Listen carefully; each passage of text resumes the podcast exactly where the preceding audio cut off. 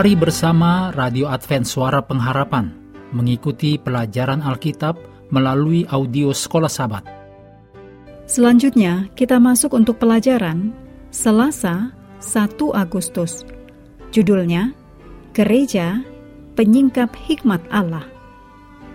Mari kita mulai dengan doa singkat yang didasarkan dari 1 Korintus 15 ayat 2. Oleh Injil itu kamu diselamatkan, asal kamu teguh berpegang padanya. Amin.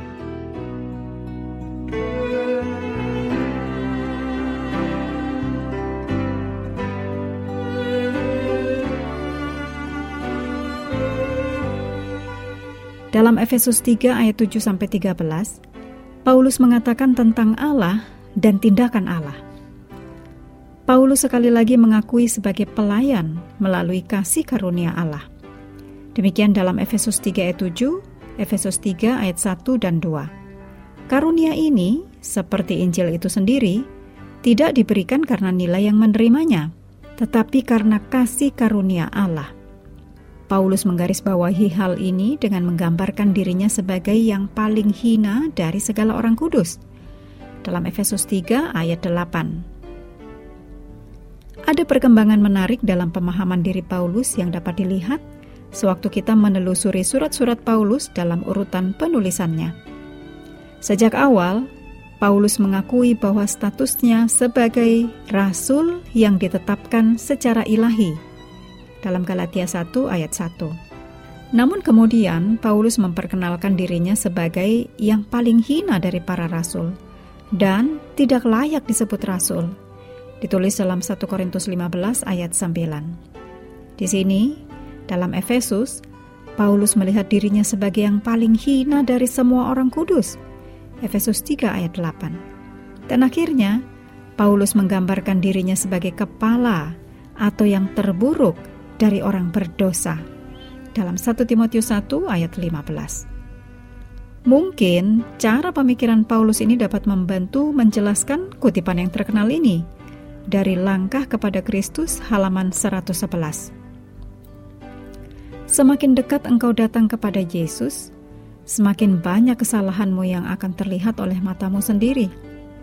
Karena pandangan kita menjadi lebih jelas, dan ketidaksempurnaan kita akan terlihat dalam perbedaan yang sangat kontras dengan sifat Yesus yang sempurna. Paulus kemudian melanjutkan. Dalam Efesus 3 ayat 10, ia menulis, supaya sekarang oleh jemaat diberitahukan pelbagai ragam hikmat Allah kepada pemerintah-pemerintah dan penguasa-penguasa di surga siapa pemerintah-pemerintah dan penguasa-penguasa di surga yang disebutkan di sini?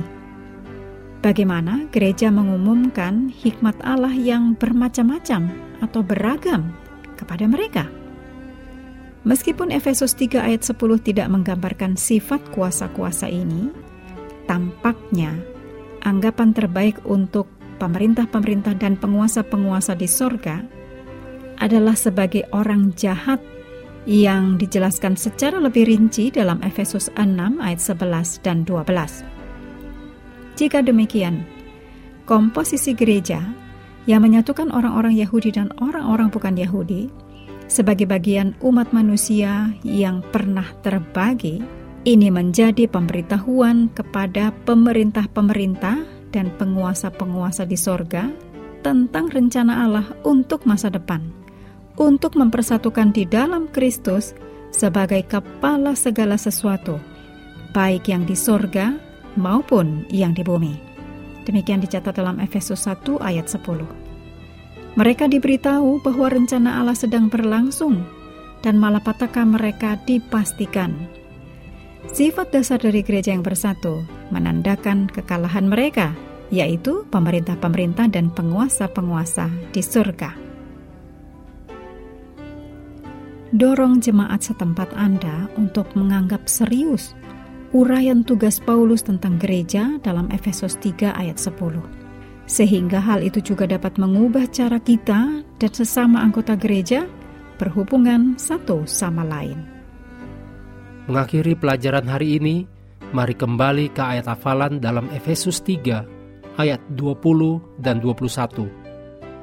Bagi dialah yang dapat melakukan jauh lebih banyak daripada yang kita doakan atau pikirkan, seperti yang ternyata dari kuasa yang bekerja di dalam kita.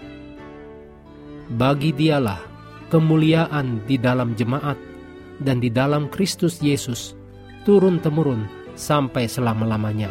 Amin. Kami terus mendorong Anda bersekutu dengan Tuhan setiap hari, bersama dengan seluruh anggota keluarga, baik melalui renungan harian, pelajaran sekolah sabat, dan bacaan Alkitab sedunia. Percayalah kepada nabi-nabinya, yang untuk hari ini melanjutkan dari Mazmur 87. Tuhan memberkati kita semua.